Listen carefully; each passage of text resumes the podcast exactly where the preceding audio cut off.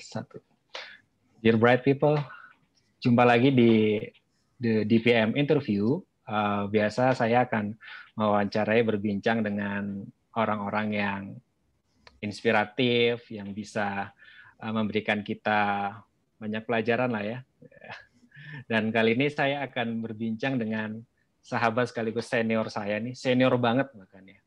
Dan um, dia tunanetra juga dan tapi serunya ini di profilnya ini dia menyebutkan bahwa dia menyukai olahraga berisiko tinggi. Nah, nggak tahu nih risiko tinggi ini apakah olahraganya itu maling ayam atau maling komputer gitu ya. Risiko tinggi ya. so please welcome Mas Jaka Ahmad alias Blind Man Jack. Hey, Halo, what's up dude? Apa kabar? Fine. fine, fine. Thank you. Gimana? Lagi ini ya, lagi di Jakarta ya sekarang ya? Lagi busuk di rumah.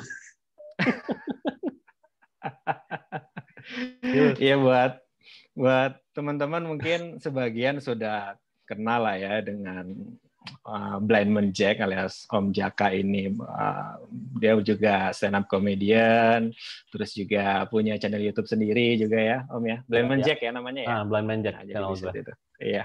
Oke. Terima kasih nih Om udah mau join di uh, di channel saya dan kita mau ngobrol-ngobrol nanti ke depannya. Tapi ada saya punya beberapa rapid test nih ya. mau hmm. ditanyakan. Tapi tenang, nggak perlu diambil darah kok ya. Oke, nggak nggak diceplus ya. Enggak. Oke, okay, first question. Hmm. Australia atau Jepang? Uh, waduh, Jepang, Jepang. Kenapa? Karena kan ini aku lebih suka kalau, Jepang. Kenapa Jepang? Nggak tahu ya, gue gue tuh waktu 2004 gue ke Tokyo itu gue amazed banget ya sama sama orang yang sangat teratur, orang yang jujur. Gue bener-bener ngalamin beberapa hal yang baru gue alamin banget banget ya. Gue tuh waktu pernah, itu kegiatan apa waktu itu? Gue training, training apa kayak leadership training gitu di di Tokyo. Uh -huh. Terus ada nih satu hari ini ini hari Jumat sore ya, hari Jumat sore. Yeah uh, yeah. gue tuh nganterin temen gue beli printer. Mm-hmm. Nah, terus kan kita naik kereta, naik yeah. kereta bawah tanah kan. Printernya ketinggalan di kereta gitu. Nah, printer gede gitu? Enggak, printer, apa, printer biasa, printer yang kayak Canon berapa tuh yang yang printer ini lah. Portable gitu lah ya, portable, portable gitu lah ya. gitu ya. Masih uh-huh. bisa ditenteng lah gitu kan. Itu yeah. ketinggalan di kereta. Marah hmm. dong dia kan. Aduh, apa kesel lah karena kan lumayan harganya gitu kan. Terus udah dia pikir hilang. Hari Seninnya itu printer ada di stasiun kereta. Jadi pas balik ada ke orang yang balikin. Lagi, ah, kayak di bagian informasinya gitu kali ya? Uh, ya. Jadi jadi koordinator hmm. koordinator trainer training kita bilang nggak tanya aja di stasiunnya gitu apa namanya mereka kalau uh. kalau nemuin barang biasanya disimpan ah nggak mungkin nggak mungkin gitu kan Terus akhirnya ditanya itu dan itu udah hari Senin ditanya oh iya ada nanti dianterin ke sini luar biasa ya gokil banget kan? Gila gue bilang. Terus yang namanya ngantri aduh gue gue bener deh salut deh gue angkat topi bener sama orang Jepang kok. Ngantri itu bener-bener satu lurus ke belakang panjang nggak masalah gak ada yang nyelak nggak ada apa pokoknya kalau ini gue gue amazed banget deh. Terus ya itu ya dengan punctuality ketepatan iya. waktunya. Iya. Yeah. yeah. tapi itu pengalaman pertama bukan pertama pengalaman pertama ke luar negeri kan ya? Enggak, bukan bukan. Enggak ya, tahun 2004 udah. Sebelumnya udah pernah ke mana aja? Gue gue pertama keluar negeri itu ke Singapura dulu. Singapura ya. Eh, itu mah nggak luar negeri lah ya. Nggak luar negeri lah ya. tetangga doang gitu ya. Rusia gue yang pertama jauh. Oh, Rusia jauh dan ya. lama dulu ya. Apa namanya ke uh -huh. Rusia itu tahun 97 gue di sana sekitar satu -huh. bulanan. -huh. Terus abis itu gue ke mana? Eh itu abis itu Jepang. -huh. Jepang 2004 uh itu tiga dua bulan di sana -huh. training. Berarti impress banget ya. Ya soalnya kan saya tanya nih karena kan ya, waktu saya waktu itu yang short course tiga bulan 2013 di Adelaide ketemu Om Jack waktu hmm. itu lagi ya. S2 di sana kan di Australia ya, ya. kan ya. Ha, ha. Tapi kira-kira kenapa Om nggak pilih di Australia? Bedanya apa dengan Jepang misalnya? Uh, apa yang nggak tahu ya kalau kalau Australia tuh kalau menurut gue just just another country artinya oke okay, apa hmm. namanya memang hmm. Uh, ada kultur-kultur yang baru di sana gitu tapi yeah. nggak semenarik di Jepang gitu. Kalau di Jepang tuh hmm. emang emang gimana ya? Uh, ya itu yang dibilang nasionalisme tinggi, terus budaya Ah, kedepankan gitu, terus mm-mm. juga sangat terimpresi juga dengan orang-orang yang masih oh, mereka apa namanya eh, eh, fokus dengan ilmu yang mereka mau kembangkan gitu sampai bahasa aja mereka Ya. nggak peduli artinya udah pokoknya lo hormati lo hormati budaya gue lo hormati bahasa bahasa gue jadi eh, apa namanya eh, filosofinya ya gue gue gue Hmm, suka hmm, gitu hmm. sementara kalau kalau di Australia oke gue suka di sana diver Hmm. gitu ya banyak ah. banyak apa mungkin lo juga masih ingat waktu kita di Adelaide itu kan wang- Iya. waktu kita mau nyebrang dulu sebelah kiri kita ngomong bahasa India sebelah kanan kita ngomong bahasa Cina sebelah kanan kita ngomong bahasa Inggris depan kita ngomong bahasa Spanyol artinya bahasa itu Vietnam jangan Iya, terus Vietnam, Orang Vietnam macam. banyak kan di sana kan. Orang Vietnam banyak banget gitu kan. Artinya Hmm, hmm. diversity-nya memang memang Hmm. banyak gitu. Tapi Hmm. eh, ya beda deh sama sama Jepang tuh. Dan sampai sekarang lebih tuh belum strong ya di Ya, kalau di. Jepang ya. Sampai sekarang tuh gue belum bisa balik lagi ke sana. Tapi ya mudah-mudahan lah. Tapi kalau secara fasilitas dari segi aksesibilitas, karena kan Hmm. Om Jaka kan juga tergabung juga di Jakarta Barrier Free Tourism ya. Kalau di Hmm, Jakarta hmm. kan sering kayak inspeksi, oh inspeksi, Ya, ya. aksesibilitas fasilitas umum gitu. Itu gimana? Dua itu apakah ya sama lah karena sama-sama develop countries gitu atau Beda sih. Eh, Kebetulan kalau yang di Australia kan gue lama di Adelaide. Adelaide nggak terlalu Mhm. aksesibel kalau gue bilang. Jadi Mhm. bisa dibilang sekitar 60% lah mungkin ya. ya. Iya, iya. Aksesibelnya juga eh, lebih kepada pengguna kursi roda mungkin. Jadi kayak misalnya di gedung, tiap gedung ada lift, ada toilet Ah, ah, untuk iya. disabilitas gitu ya. Terus ada apa lagi eh, apa eh, bidang miring gitu. Terus kayak misalnya di bioskop juga udah disediain tempat tempat duduk untuk ini untuk apa eh, yang pakai kursi roda gitu. Nah, tapi kalau untuk yang tunanetra sama eh, tuli masih masih kurang ya. Karena waktu Iya. itu mungkin sekarang udah lebih lebih baik gitu. Gue yang yang kecewa banget tuh waktu di ini waktu di Australia ny- nyampe sana bisnya tuh masih belum ada audio announcement-nya gitu. Iya, iya nggak ada ya. Nggak ada kan Cuman ingat nggak tuh? suara bel, suara bel, ting tung Heeh, gitu doang itu kan juga, ya. itu juga kita yang pencet. Itu kalau kita mau Iya turun, benar. kita pencet gitu kan. Tapi kalau Iya. eh, kalau kita naik kita mesti ngasih tahu ke bus drivernya Iya, kan. Request ke itu? drivernya kan. eh, gitu. Dan kadang-kadang dia lupa juga gitu. itu yang gue gue agak ya kok Agak deg-degan ya kalau itu iya, ya. Kalau kalau takutnya gitu loh. Jadi kadang-kadang mungkin kita mau sotoy, kadang takutnya nggak enak, kalau ternyata belum Iya. nyampe, tapi aku takutnya dia lupa gimana gitu ya. udah mah gua tukang tidur kalau di bis gitu. Ntar kalau tiap tiap halte gua tanyain diomelin sama supirnya. Berisik lu. Tapi kayaknya itu ya mungkin karena di Jepang itu tadi dia culture-nya kan strong banget. Jadi bahkan Mm. gunain bahasa Jepang itu mereka priority banget kan guna bahasa Jepang Mm. gitu kan. Mm. Kayaknya waktu itu sempat cerita PR banget ya ketika training trainernya pakai bahasa Jepang, terus diinterpret pakai bahasa Inggris lagi gitu ya. Iya. Jadi eh, mikirnya beberapa kali ya. eh, jadi dan apa namanya itu kan kita benar-benar kayak classroom ya. Jadi seharian gitu. Hmm. Jadi kalau pagi masih lumayan lah gitu jam 9 sampai jam 10, jam Hmm. 11 tuh masih masih Hmm. lumayan gitu. Udah di atas jam 12 itu aduh udah benar-benar kerasa deh apa namanya tantangannya kita harus harus dengerin karena kan emang gimana ya ilmu di satu sisi kita kita se- Hmm. ini seneng gitu kan ah, bukan seneng Iya. artinya interest gitu kan untuk Iya. untuk dapat gitu dapat ilmunya gitu dan Hmm. di tapi di sisi lain lama bener sampai perasaan trainingnya cuma 15 menit tapi kenapa jadi setengah jam ya gue Ya karena ter- apa inter, interpretnya setengah jam lagi kan. Heeh, iya Apa 15 menit tambah 15 setengah jam jadinya kan. iya makanya heeh. Gitu. Ya jadi Jepang tuh impress banget ya gitu ya. gue paling impress banget dah pengen pengen balik sana. kalau Oke. ada yang nonton mau sponsorin gue balik ke Jepang boleh Oke, boleh catet ya. Tapi ntar alasan, eh kok lagi pandemi om gitu. iya Nggak bisa gitu ya. Oke, next question om. Hmm. Public relation atau social work? lu ngasih pertanyaan ya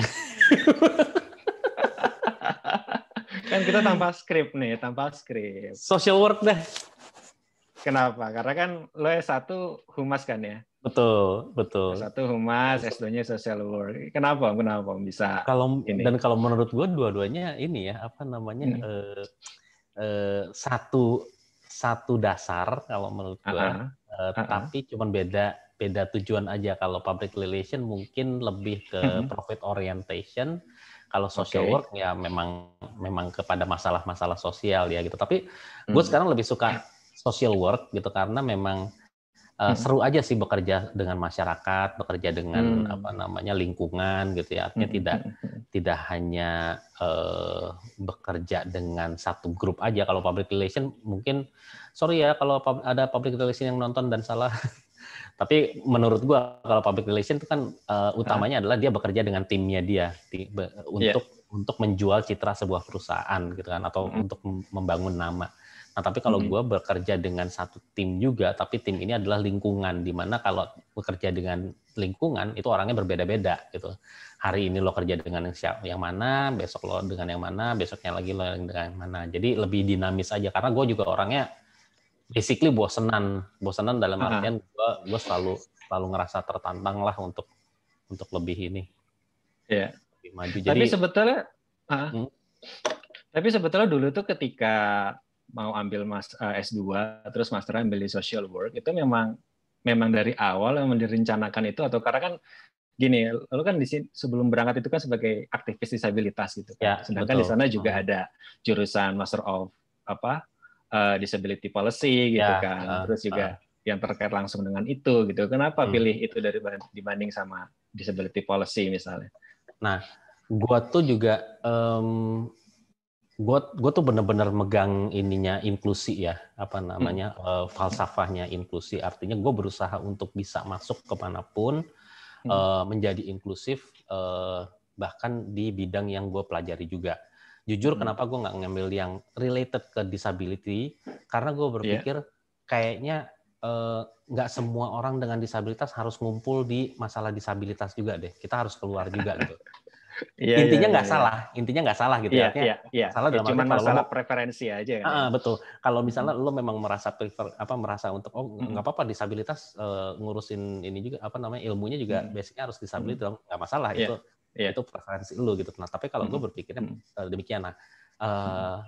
gue waktu itu sebenarnya nyarinya yang ke komunikasi juga ke arah komunikasi tapi gue nyari yeah. yang sosial apa uh, sorry gue nyarinya yang ke raising awareness gitu oke okay. nah, oke okay. terus itu karena dulu kan gue pernah pernah training juga di Australia ketemu sama si Kara mm -hmm. itu kan nah yeah, Kara yang Alexson uh, Kara Alexson yang apa namanya yang merekomendasikan gue kenapa lo nggak ngambil social work nah at that time oh. gue baru tahu tuh gue justru baru ada tahu ada ada jurusan social work karena gue selama ini dengar hmm. apa namanya yang STKS ya yang di Bandung ya sekolah tinggi. Yeah. Nah, gue cuman gue pikir itu cuman cuman S1 doang dan gue juga nggak tahu mereka sebenarnya kerjanya apa sih gitu loh. Nah, uh -huh. baru gue akhirnya ketika dikasih tahu social work itu gue baru uh, baru ngeh gitu kan. Terus gue pelajarin kayaknya seru juga gitu loh. Karena di satu sisi gue seneng dengan psikologi, tapi balik lagi kalau psikologi kan kita bekerja dengan individual ya, apa namanya? Iya. Nah, tapi kalau social work kalau social work dengan dengan masyarakat ya, nah. lingkungannya. Hmm. Jadi menariknya di situ ya. Jadi ya meskipun gitu kan tetap akan direlate juga pada akhirnya ya ke bidang kita ya ke ya, betul. juga gitu jadinya hmm. gitu ya. Nah, gue sempet ini lucu juga nih Dim, gue sempet hmm. gampang juga nih ngambil social uh work karena tahu nggak apa? Yeah ketika gue disadarin gitu ya lu ngambil social work deh gitu terus gue baru inget gitu kalau di film-film social work social worker itu jahat melulu loh Hah? Iya nggak sih Contohnya yang ngambil anak orang yang, oh. lo kalau nonton film-film yang apa namanya aduh kayak uh. film apa ya pokoknya ada deh beberapa kejadian yang social social work itu uh, justru dia apa namanya atas atas nama kebaikan gitu ya dia ngambil yeah, yeah. ngambil anak dari orang tuanya karena orang tuanya uh, apa namanya tinggal di area umuh misalnya kayak gitu yeah, yeah, atau terus yeah. apa ngatur ngatur satu keluarga untuk ini tapi selalu jadi tokoh tokoh jahat gitu loh tokoh negatif lah bukan jahat sih tokoh negatif itu antagonis kayak gitu begini ya. juga dong kayak iya jadi kayak antagonisnya gitu loh. Masalah masalahnya gini, oh lo mau nyulik anak orang, orang juga nah, mikir, ah, emang salah nyulik juga. Emang yakin yang diculik benar gitu kan? Kayak itu, kayak kayak uh, gue nggak tahu lo pernah nonton Ayam Sam nggak? Nah, jadi uh -huh. Ayam Ayam Sam itu adalah film uh, tentang si ini uh, Sean Penn. Sean Penn ceritanya dia jadi uh, orang yang uh, tunagrahita gitu. Jadi intelijensi yeah. dia itu hanya uh, se seumur anak 10 tahun. Nah, dia membesarkan seorang anak, anak perempuan gitu. Nah, hmm. itu dipermasalahkan sama social worker karena nanti yeah. ini anak kalau misalnya dia udah tambah besar, siapa yang akan apa namanya eh, menumbuh besarkan dia sementara ayahnya cuma punya kapasitas kecerdasan sampai 10 tahun. Nah, jadi diambil tuh sama si hmm. social work nah terus di diiniin lah di di apa mungkin dituntut lah di pengadilan gitu nah itu kayak gitu-gitu deh kerjaan social work yang buat yang gue nonton di TV yang gue nonton di film yeah. ya gitu jadi gue yeah. aduh masa kayak gini tapi ternyata enggak gitu lebih lebih luas lagi dan lebih baik juga kok. dan kayaknya lo akan sebetulnya ketika diimplementasikan juga banyak dikaitin sama kehumasan juga ya karena kan iya. lu dulu kalau salah pernah kerja di asuransi gitu kan kalau asuransi ya. kan ya lu nelponin orang gitu kan kita tahu lah you know yang telepon telepon itu kan ya. nah tapi tapi sekarang lu apa lu gunakan ilmu marketing lu itu buat ini ke masyarakat itu menarik jadinya ya. kombinasi ya. yang cukup menarik jadinya ya betul kalau kalau hmm. gue ngerasa ya gue ngerasa eh, line gue, garis gue dari pendidikan sampai mm -hmm. pekerjaan itu nyambung semua. Jadi, mm. uh, oke, okay, gue ngambil S1 komunikasi, terus yeah. gue kerja di asuransi. Di asuransi okay. itu kan komunikasi gue kepake udah pasti kan, itu kan. Iya, yeah, iya. Yeah. Nah, terus gue mengembangkan ilmu marketing. Marketing mm -hmm. ini sebenarnya kan awareness juga, awareness racing juga. Iya kan? Betul, betul, Cuman betul. bedanya kalau kalau marketing merek tertentu, lo bikin orang betul, aware dengan, dengan betul. brand-brand tertentu uh, gitu ya. Kalau social awareness, ya udah apa namanya lo aware dengan keadaan isu ya, isu dan lain sebagainya. Mm -hmm. Nah dari apa namanya dari situ uh, waktu di asuransi itu gue akhirnya belajar training dulu kan training dan fasilitasi mm -hmm. juga. Nah itu kepake juga ilmunya.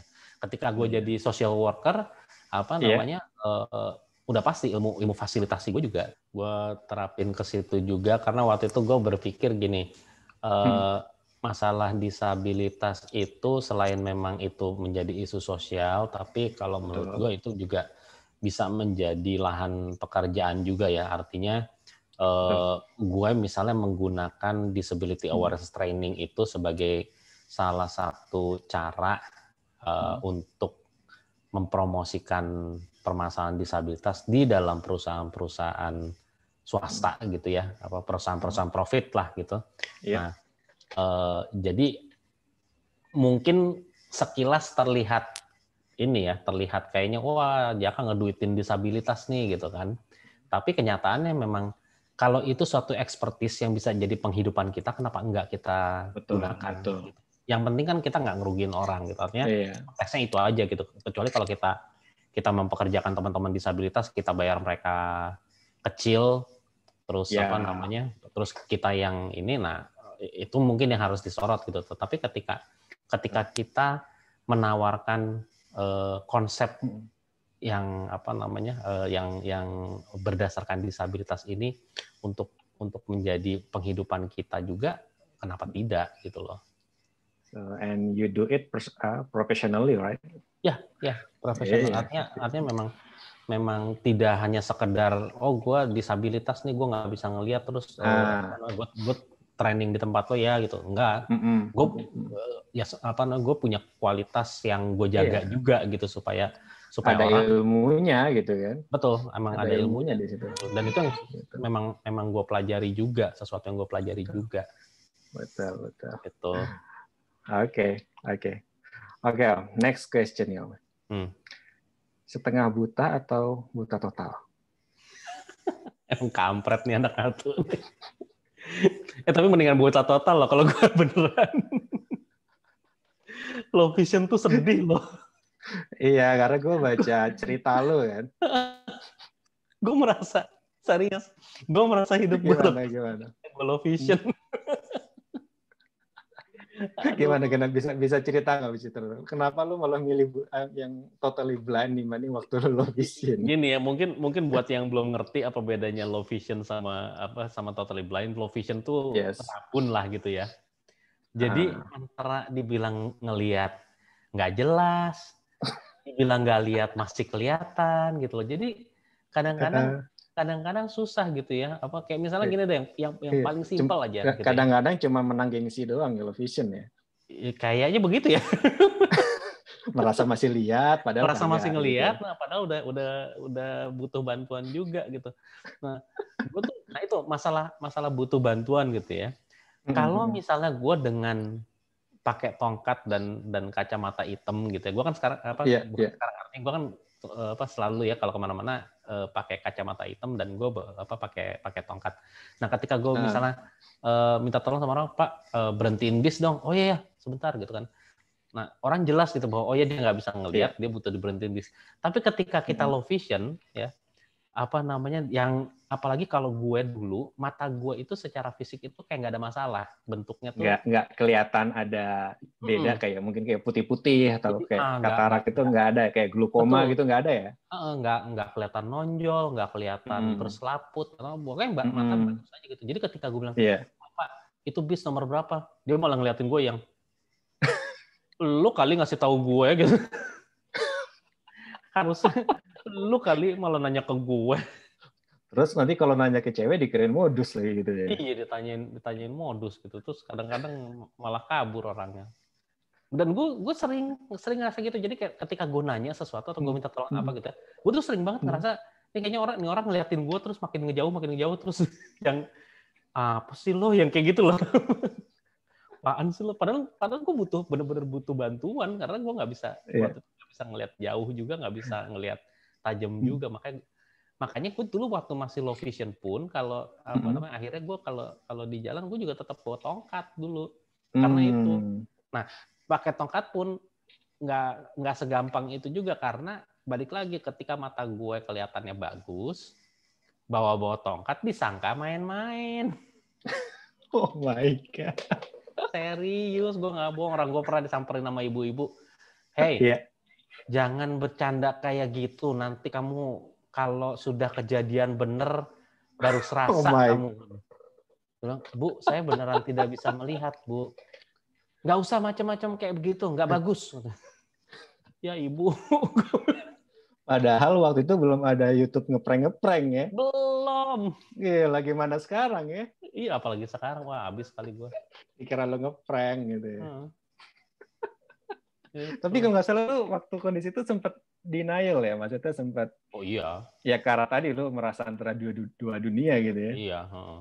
Awalnya awalnya sih nggak nggak terima banget gitu kan. Mm-mm, Apalagi mm-mm. gue waktu itu masih umur belasan belasan tahun ya waktu waktu gue mulai rabun itu kan.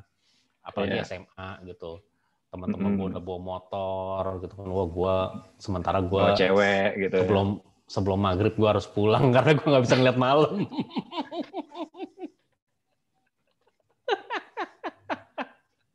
ya gue dulu kalau gue dulu kalau ini kalau lagi deketin cewek tuh gue inget banget. Heeh, heeh. main ke rumahnya selalu abis asar. Terus nanti sebelum Gua- maghrib udah pulang? Nah, belum maghrib udah pulang loh udah kayak ayam jago ya? Udah kayak ayam jago gue iya iya maghrib udah, udah gitu pulang udah gitu gitu. gue apa namanya nyari alasannya macam-macam aja gitu A- apa kayak Hmm. gitu. oh nanti ada saudara mau datang oh nanti Hmm, ada ini hmm, mau hmm. ada itu Hmm. biar gue pulang tapi ketika lu pas jadi totally blind lu akhirnya menerima semua itu ya itu emang eh, sebuah acceptance saya emang karena kepepet om kepepet sih kalau gue bilang ya awalnya. Gua- tapi iya loh, gue kalau kalau dibilang acceptance, gue juga lupa ya. Gue juga lupa Hmm. kapan bener-bener sebenarnya gue bisa menerima diri gue. Ya udah deh, gue buta gitu ya. Gue lupa gitu. Tapi eh, yang pasti dengan ketemu beberapa orang eh, tunanetra yang yang menurut gue waktu itu sebenarnya nggak inspiring sih, tapi tapi menurut gue nunjukin aja ke gue kalau udah nih gue gue juga buta tapi gue bisa hidup gitu gue bisa punya Yeah, keluarga gue yeah. bisa S2 ke luar negeri gue bisa apa namanya bisa jalan-jalan juga nah gue gue melihat itu waktu itu gitu loh Hmm. gue melihat itu eh, di senior senior tunanetra waktu itu kan apa namanya jadi ya udah life goes on lah gitu loh artinya hmm. tinggal gimana gue ini aja tinggal gimana gue apa jalanin jalanin hidup gue aja karena ternyata bisa kok kalau kalau mau ini ya kalau apa namanya hmm. kalau gue mau maju ya udah gitu loh jalanin aja ya mau nggak mau ya udah kepepet ya iya gitu orang bilang Dan kalau juga, kepepet jadi pinter ya gue juga ngerasa gini dim hmm. gue itu masih dalam tanda kutip masih merasa lebih beruntung karena waktu itu yeah. apa gue inilah apa bukan orang kaya ya tapi cukup berada yeah, yeah. Yeah. punya punya kemampuan untuk misalnya beliin gue alat bantu yang bagus hmm. gitu ya terus gue yeah. masih disekolahin ke sana sini gitu artinya gue hmm. dilesin bahasa Inggris di apa nanti gue itu kan advantage ya itu betul, sementara gue ketemu sama teman-teman kita yang entah dari mana terus umur umur 10 tahun udah harus ngendon di asrama SLB gitu kan yeah, tapi yeah. tapi survive mereka gitu loh hmm. artinya ini kan sesuatu hal yang luar biasa gitu loh kalau menurut gue. Iya. Yeah. Gitu. Nah, gue ketemu Gak. ketemu mereka mereka uh -huh. ini dan bahkan apa namanya mereka waktu itu banyak dari mereka juga yang yang masih muda gitu loh. Kayak hmm. dulu Ade Ismail, Ari, yeah. gitu ya, yeah. Johannes, terus si uh -huh. Jejen tuh apa namanya itu kan mm -hmm.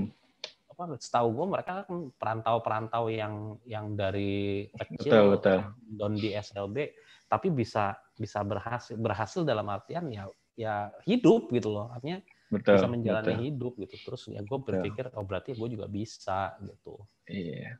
Jadi kadang lu ketika menerima apa ingin menerima sesuatu lu harus merasa ada yang di bawah lu lagi gitu ya. Iya kadang-kadang gitu. Kadang-kadang perlu itu sorry ya. Tapi kayak emang emang kadang-kadang kita mesti, mesti lihat ke bawah dulu untuk oh, ya udah. Gitu. Ya udah. Mereka aja.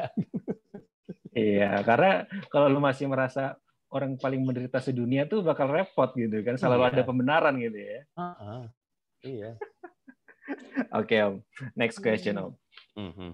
Aktivis atau stand up comedian? Stand up comedian kalau ini. Jelas ya. Jelas. Kenapa? Kenapa? Kenapa? Kenapa? Eh, itu tadi yang gue gue jelasin di awal ya. Gue bosenan orangnya mm -hmm. sebenarnya. Dan kalau aktivis itu, kalau menurut gue juga uh, masih masih terpaut dengan um, formalitas, dengan yeah, yeah. apa namanya, dengan rutinitas dan lain sebagainya. Mm-hmm. Uh, eh, gue ngerasa dulu uh, beberapa kali kayak misalnya kita hearing ke menteri, ke DPR, ke dan lain sebagainya gitu ya, ke atau yeah. ke perusahaan dan apa itu dengan dengan apa namanya kita sudah uh, uh, advokasi dengan segala macam cara, tapi hasilnya sedikit sekali yang apa namanya uh, yang gue rasakan. Artinya secara pribadi gue gue ngerasa, aduh kok udah ngomong segini lamanya, tapi kok orang nggak ngerti-ngerti juga gitu loh apa namanya. Yeah. Nah, sementara dengan stand up, gue ngerasa sebaliknya gitu. Gue ngomong 10 menit gitu ya, taruhlah 10 menit yeah. gue ngomongin tentang tentang cara nuntun orang buta gitu, tapi habis itu orang mm -hmm. bisa apa namanya nuntun nuntun gue gitu kan yeah. atau gue ngobrolin lagi uh, tentang gue yang susah mencari pekerjaan waktu itu akhirnya yeah. turun dari panggung gue bisa disamperin sama sama beberapa hmm. HRD yang yang mereka eh ayo yuk ngobrolin yuk kalau misalnya apa namanya kita mau hmm. hire orang dengan disabilitas kayak apa gitu jadi yeah. gue gue pribadi ngerasa impactnya lebih cepat gitu loh Hmm. Itu. Gue nggak bilang advokasi itu tidak jalan, enggak sama sekali enggak. Yeah. Itu memang proses yang panjang dan gue gue capek aja gue di situ gitu. Jadi makanya gue sekarang lebih lebih seneng di di stand up kayak uh, apa namanya karena menurut gue juga semua posisi itu harus diserang juga gitu loh. Betul. Jadi advokasi advokasi itu Uh, untuk dari semua orang, lini ya, ya, semua sayap ya, hmm. ya, sayap kiri, dari sayap kanan, sayap, sayap tengah, sayap gitu ya. kanan, nah, harus tuh gitu. Nah, kita hmm. tinggal bagi-bagi tugas aja kalau menurut gue. Jadi dengan punchline punchline lu tuh malah lebih kena gitu ya, apa iya. dengan in in your own way gitu ya? Siap, siap. Hmm. Hmm. Tapi kan kita juga waktu itu pernah ada ini karena yang siapa tuh ada stand up comedy yang DPR kalau nggak salah kan bikin bikin lomba stand up komedi kan yang ngeritik ya, uh. Pak Fadli Zon sama Fahri Hamzah itu kan. Jadi kadang-kadang malah yang kayak gitu malah lebih didengar daripada yang pada demo di luar-luar ya. Iya, benar. Karena karena apa ya? Ketika lo ketawa sebenarnya nih, hmm. ketika lo ketawa, hmm. itu tuh dalam diri lo ada pembenaran. Hmm. Gitu Iya, iya betul ya lo sebenarnya mentertawakan diri lo sendiri gitu uh, ya. karena karena karena hmm. kayaknya lo mentertawakan diri lo sendiri gitu. Either lo hmm. bilang lo hahaha terus lo bilang iya juga ya gitu kan. Atau mungkin kalaupun lo nggak setuju lo bisa bisa ketawa terus ah, enggak gue nggak gitu gue nggak gitu gitu.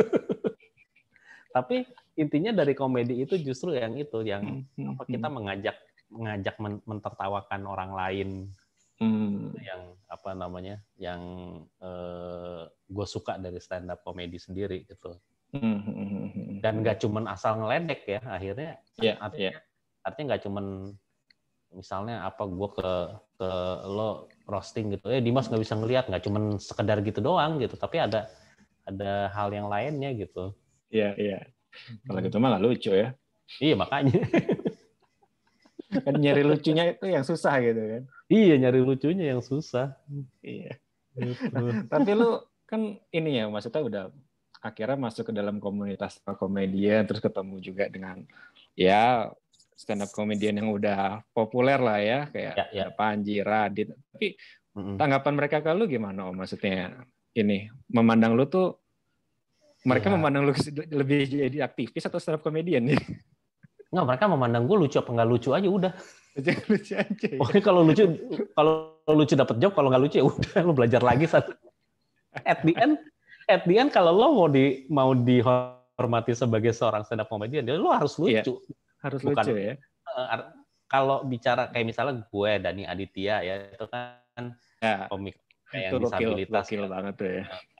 Ada ada beberapa lagi lah sebenarnya itu hmm. komika disabilitas sudah sudah mulai banyak gitu. Tapi hmm eh, apa namanya mungkin orang akan salut hmm. untuk pertama kali kita naik orang akan salut gitu ya hmm, hmm. wah nggak bisa ngelihat tapi dia berani stand up wah pakai kursi roda dia berani yeah, stand up yeah. tapi dua kali kedua kalinya lo naik lo udah dicari lucunya nggak peduli lo mau pakai kursi roda mau hmm. jalan mau datang ngesot yeah. mau tangan lo nggak ada kalau nggak yeah. lucu udah turun turun ya jadi juga di materi-materi lo tuh juga nggak nggak sepenuhnya berisi tentang isu disabilitas juga kan pastinya ya. Enggak, tapi gue sekit, mungkin sekitar 65-70 persen lah itu tentang tentang disability. Masih ya. Uh, apa namanya sisanya di luar uh, di luar disability. Mm -hmm. Gitu. Tapi gini kalau kayak si Dani Aditya kan gue pernah dengar podcast dia juga sama siapa tuh ya sama si siapa tuh yang penyiar Mustang dulu itulah si ah itulah pokoknya dia, dia, dia kalau ya, dia kan lebih adalah. kayak ini ya uh, dia kalau dia kan lebih kayak semacam untuk self acceptance dia gitu kan jadi kayak mm -hmm. dengan lu ngebully diri lu sendiri gitu kan yeah. istilahnya apa mm -hmm. itu ada kan di stand up comedy itu kayak yeah. lu bentuk lu menerima apa kedisabilitasan lo itu gitu kan dan akhirnya juga bisa ngibur orang. Nah kalau lu begitu juga atau lebih ke ya lu karena memang sudah menerima diri lu sebelumnya dan lebih ke ngasih awareness aja. Ya. Uh, Uh, ya kalau gue lebih keluar, tapi gue juga keluar ya. Hmm. Nah kalau gue gini, eh, gue me, ada agak agak agak susah sih gue ininya.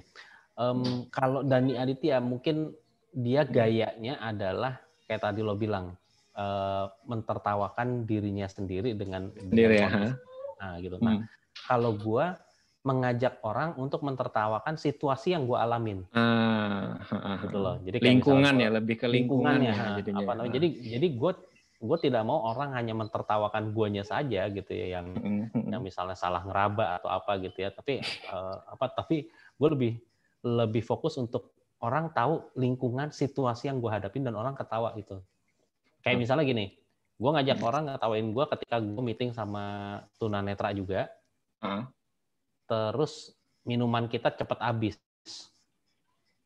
Ternyata kita minum dari satu gelas yang sama. gitu. gitu Jadi apa namanya ternyata karena karena disediain minum dua tapi posisinya posisinya berdekatan gitu kan. Jadi gue pikir uh, uh, uh. gelas gue terus dia pikir oh ini gelas gue. Jadi kita gue minum dari gelas itu ntar dia ngambil lagi di gelas itu gitu kan. Nah, kalau gue lebih suka kayak gitu-gitu tuh, artinya yeah, situasi, yeah, yeah. situasi yang gue ini tapi Mm-mm. eh, again di situ ada ada paling tidak ada message yang gue sampaikan gitu kan Iya. makanya lo kalau naruh gelas buat tunanetra kasih tahu ini gelas lo ini gelas lo gitu kan jadi kagak kejadian kayak begini gitu betul betul betul ya ya message-nya di situ ya jadinya Eh, gitu. dan dan uniknya lagi tuh sebetulnya bisa dibilang ini nggak sih lo memulai karir lo sebagai stand up comedian tuh pas di Australia bukan sih apa sebelumnya udah pernah sebelumnya sebenarnya sebelum sebelumnya udah tapi gue waktu udah itu ya eh, karena karena gini gue gue tuh beberapa kali ya eh, Mm, mm. ya artinya dari dulu emang emang gue orangnya suka suka ngebanyol dan suka ini aja Iya. suka cerita cerita gitu ya gitu jadi joke telling gitu gue udah sering banget gitu Mm, mm, mm. nah apa namanya ketika stand up comedy waktu itu muncul kalau nggak salah 2010 2011 gitu nah Hmm. gue tuh udah persiapan waktu itu udah mau persiapan ke sekolah ke Australia jadi gue nggak nggak sempet Hmm. untuk nyari komunitasnya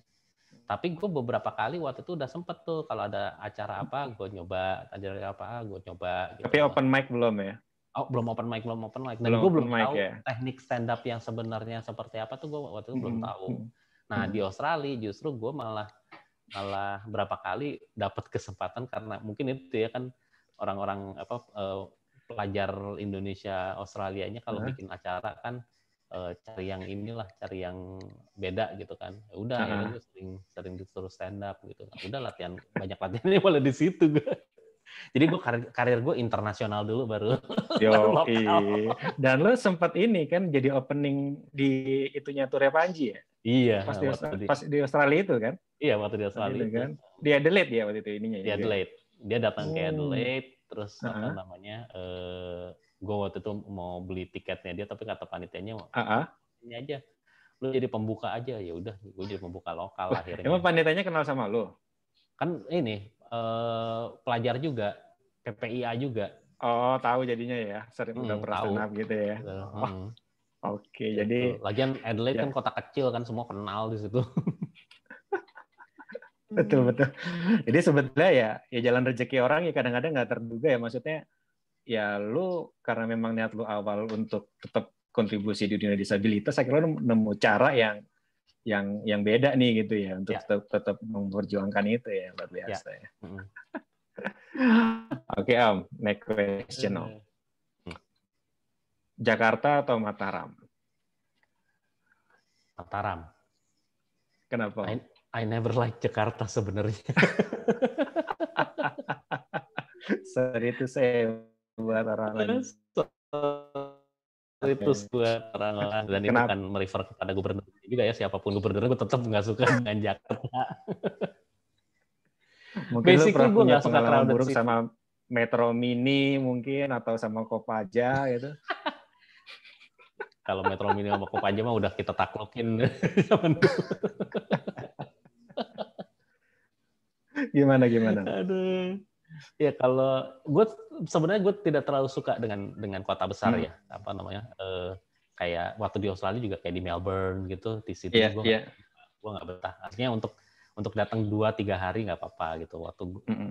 gue waktu di Bangkok juga apa namanya ya rame crowded gitu kan. Kalau Iya. kalau pas gue dulu di Chiang Mai malah lebih Mm-mm. suka gue karena ininya apa namanya lebih lebih santai aja. Nah Adelaide Adelaide juga itu eh, kota yang nyaman juga tuh dia nggak terlalu rame tapi tetap hidup lah gitu. Jadi kayak apa namanya Yap. untuk untuk hidup tuh masih enak lah. Nah Mataram Mataram sebenarnya udah mulai rame sih sekarang udah mulai macet-macet gitu ya apa namanya Iya, di iya. waktu tertentu gitu. Tapi masih Mm-mm. masih tidak terlalu inilah masih tidak terlalu ramai gitu. Mm. Tidak kalau gua yang penting tuh jangan habis waktu di jalan aja. Karena kalau Jakarta tuh udah luar biasa banget gitu ya kadang-kadang gue ngerasa eh, hidup Ya. habis di jalan terus eh, sorry to say juga gue juga sering sekali menyaksikan di mana orang Mhm. berantem di jalan karena Ya, betul ya. mungkin hanya karena klakson-klakson Senggol atau hanya kesenggol kayak gitu jadi Mm-mm, mm-mm. aduh kok kadang-kadang sedih ya di kota besar kok apa namanya tepos selirunya tuh jadi sangat tipis sekali gitu meskipun Iya. masih banyak juga orang-orang yang baik Apalagi kalau udah pas jam-jam buka puasa gitu Om ya. nah itu Oh, aduh itu udah deh gila klaks klakson gitu terus ya. akson apa segala macam kayaknya buka puasa dengan memaki itu udah udah ini banget, udah lumrah banget deh. Gitu. Tapi apa enggak ini Om? Apa uh, kenapa lu pilih Mataram? Apa karena ketika di Mataram yang ibaratnya lu di sana jadi kayak semacam bisa dikatakan pionir juga nggak sih? Maksudnya ikut menggerakkan awareness tentang disability di sana uh, gitu? Ya, gue gue ada beberapa kegiatan gue yang gue lakukan juga. Nah, mm -hmm. uh, apa namanya dan dan sebenarnya kalau di Mataram malah istri gue yang lebih istri gue sama anak gue kan tinggal di sana ya di Mataram. Ah, nah, yeah. istri gue malah yang lebih banyak uh, melakukan kegiatan-kegiatan disabilitas gitu karena kan gue juga hmm. apa nam uh, selain gue gua dia terekspos dari dari gue itu jelas gitu yeah. tapi Uh, ketika gue ya. misalnya uh, ketika misalnya gue memantik sesuatu nanti dia ngelanjutin dia uh -huh. ngelanjutin dan dia bawa teman-temannya hmm. selalu bawa teman-temannya gitu jadi kegiatannya oh. banyak gitu. Dan hmm. kalau menurut gue, gue biarin aja dulu mereka aktif gitu ya. Mau itu charity kayak mau itu apa, pokoknya biarin aja dulu, biar tahu dulu aja deh dengan dengan disabilitas. Nah, tapi setelah itu baru gue arahin pelan-pelan untuk oke, okay, ini sekarang udah waktunya untuk apa namanya jangan jangan cuman kegiatannya jangan cuman ngumpulin sumbangan doang nih, tapi yeah, yeah. sekarang kita udah mulai mikir gimana caranya supaya apa yang kita lakukan itu sustainable bisa bisa ter, hmm. uh, bisa berlanjut terus uh, terus si apa teman-teman yang kita bantu ini juga bisa berkesinambungan apa apakah kita mulai nyariin magang buat mereka atau buat hmm. apa namanya nyariin job untuk mereka uh, yeah. kayak misalnya kerjaan-kerjaan untuk uh, hiburan atau apa gitu kan teman-teman banyak yang banyak yang sana juga kan mm -hmm. itu justru istri gue lebih aktif di sana Mal malah gitu ya Hmm. Oke. Okay. Nah, berarti kan sebetulnya ini ya, maksudnya lu berarti sebetulnya terlahir tidak sebagai seorang disabilitas gitu ya. Berarti oh. sekolah juga di sekolah umum gitu ya. Berarti sekolah lu mulai menurun menurun itu ketika ketika SMA kuliah udah SMA, SMA ya SMA udah, mulai SMA udah mulai menurun gue udah mulai kesulitan baca hmm. tuh atau SMA tapi masih masih selamat lah SMA apa namanya artinya gue masih masih nggak eh, nggak uh, perlu sampai dibantu sama pembaca gitu ya. Mm -hmm. Tapi waktu kuliah udah udah parah itu, udah udah udah parah ya. Mm -hmm. udah banyak-banyak ini ya gengsi-gengsi denial nah, itu, itu ya. Antara gengsi sama mata gue udah siwer banget. gitu. Iya, terus sampai lo bisa sampai lanjut sampai ke Australia gitu kan buat buat S2. Berarti memang bisa dikatakan ini nggak sih pendidikan tuh jadi salah satu yang apa ya mengubah hidup lu juga nggak sih ya, gitu dan ya, sekitar ya, gitu ya. ya. Hmm. Terlepas dari itu pendidikan formal atau non formal, tapi ya. tapi segala bentuk pendidikan itu uh, sangat hmm. penting kalau menurut gua ya. Uh, hmm. Artinya gua tidak hanya berkaca pada diri gua sendiri, tapi orang lain ya. juga. Ketika teman-teman kita yang apa namanya yang punya disabilitas, mereka Eh, terdidik lah dalam yeah. apa namanya dalam satu hal itu pasti uh, hidupnya hidup mereka menjadi menjadi lebih baik gitu. Nah kalau dalam yeah. Dalam konteks gue mungkin ya secara akademis gue terdukung sehingga gue bisa mendapat apa namanya pengalaman dan pekerjaan yang yang gue inginkan gitu. Nah sementara mm-hmm. teman-teman yang lain juga menurut gue banyak juga yang yang itu tadi gue bilang uh, secara informal mereka terdidik juga sehingga akhirnya mereka bisa mencapai apa yang mereka mau gitu. Hmm. Karena yeah. gue sering banget sih ngebandingin dengan dengan teman-teman kita juga yang punya disabilitas tapi nggak seberuntung kita karena mereka nggak bisa yeah, sekolah yeah. atau mereka nggak apa namanya atau lingkungan yang mereka juga nggak terlalu dukung gitu ya. Nah yeah, itu jadi yeah. jadi lebih kasihan karena sebenarnya lingkungannya kan yang bikin dia susah gitu loh bukan betul, bukan betul. dianya gitu. Betul betul. Padahal ya mungkin karena lingkungan itu menganggap menganggap ya dia ngapain sih nggak bisa lihat disabilitas mau ngapain itu sekolah hmm. juga gitu kali gitu mikirnya yeah. ya. Iya betul. Padahal sekarang buat disabilitas itu peluang sebetulnya udah terbuka banyak banget ya beasiswa banyak gitu ya kalau misalnya yeah. mau coba gitu. Dan ya. sekarang tuh kalau menurut gue juga perusahaan meskipun masih ya. takut-takut ya, tapi kalau dibandingin kita bandingin 10 tahun yang lalu aja tahun 2000-an gitu ya sekarang tuh lebih banyak uh, perusahaan yang mau membuka membuka lapangan pekerjaan untuk disabilitas yeah. meskipun yeah. masih masih terbatas. Nah, kalau menurut gue ya teman-teman udah masuk aja dulu gitu loh. Betul, masuk betul. masuk ke dalam nanti dari dari dalam baru kita bikin perubahan lagi gitu. Nah, Jadi iya betul. Apa betul. namanya ya kalau misalnya memang kesempatannya ada masih apa nggak ada kesempatan untuk jadi operator, resepsionis mm -hmm. atau mm -hmm. apa misalnya drafter gitu ya kalau teman-teman yeah, yang tulis yeah. suka ditawarin. Udah nggak apa-apa kalau menurut kamu masuk aja dulu, hajar Betul. aja dulu gitu. Nanti dari dalam kita sikat gitu loh. Dari situ Betul. kita kita ngobrol sama teman-teman kerja kita, kita kasih apa, kita tunjukin nah. bahwa bahwa ini kan bisa kerja kan gitu. Ayo dong, sekarang lo yeah. ini dong, lo buka kesempatan yeah. yang lebih besar dong gitu. Ya, dan merasakan pengalaman bekerja itu yang menurut saya sih yang luar, yang penting banget sih buat teman-teman. Jadi apa pun hmm. pekerjaan itu dulu gitu kan, yang penting mm -hmm. pengalamannya dulu deh gitu ya, jangan iya. milih-milih yeah. mau apa gitu ya. Iya. Mm -hmm. dan Karena, dan kalau misalnya, mm, ya karena susah akan akan sulit kalau misalnya, oke okay, kita punya idealisme pasti ya gitu, artinya yeah. ya nggak nggak mungkin nggak belok-belok amat gitu eh, apa pilihannya gitu, tapi ketika intinya sih itu ketika kita kita punya kesempatan uh, lo bisa meyakinkan orang dengan ketika lo sudah berada di dalam gitu. Betul betul betul.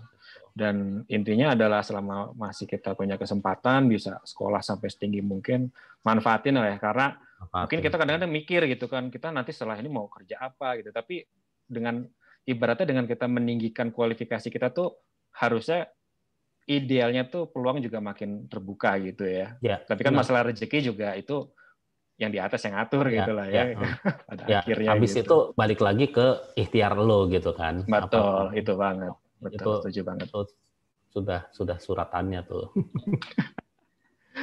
Oke Om Jack, thank you okay. banget nih udah mungkin udah sejam nih kita ngobrol bareng dan semoga hmm. bisa menginspirasi teman-teman semua di sini yang yang menonton ya. Meskipun okay. kayaknya nonton sih dikit sih channel gua sih. Cuman tinggi banget nih buat waktunya. Oke, okay, teman-teman silakan hmm. lo ini ya gue ya kawan-kawan ya. Siap, siap. Teman-teman silakan di di subscribe ya uh, YouTube-nya Blind Man Jack gitu kan dan jangan lupa subscribe channel saya juga gitu sih.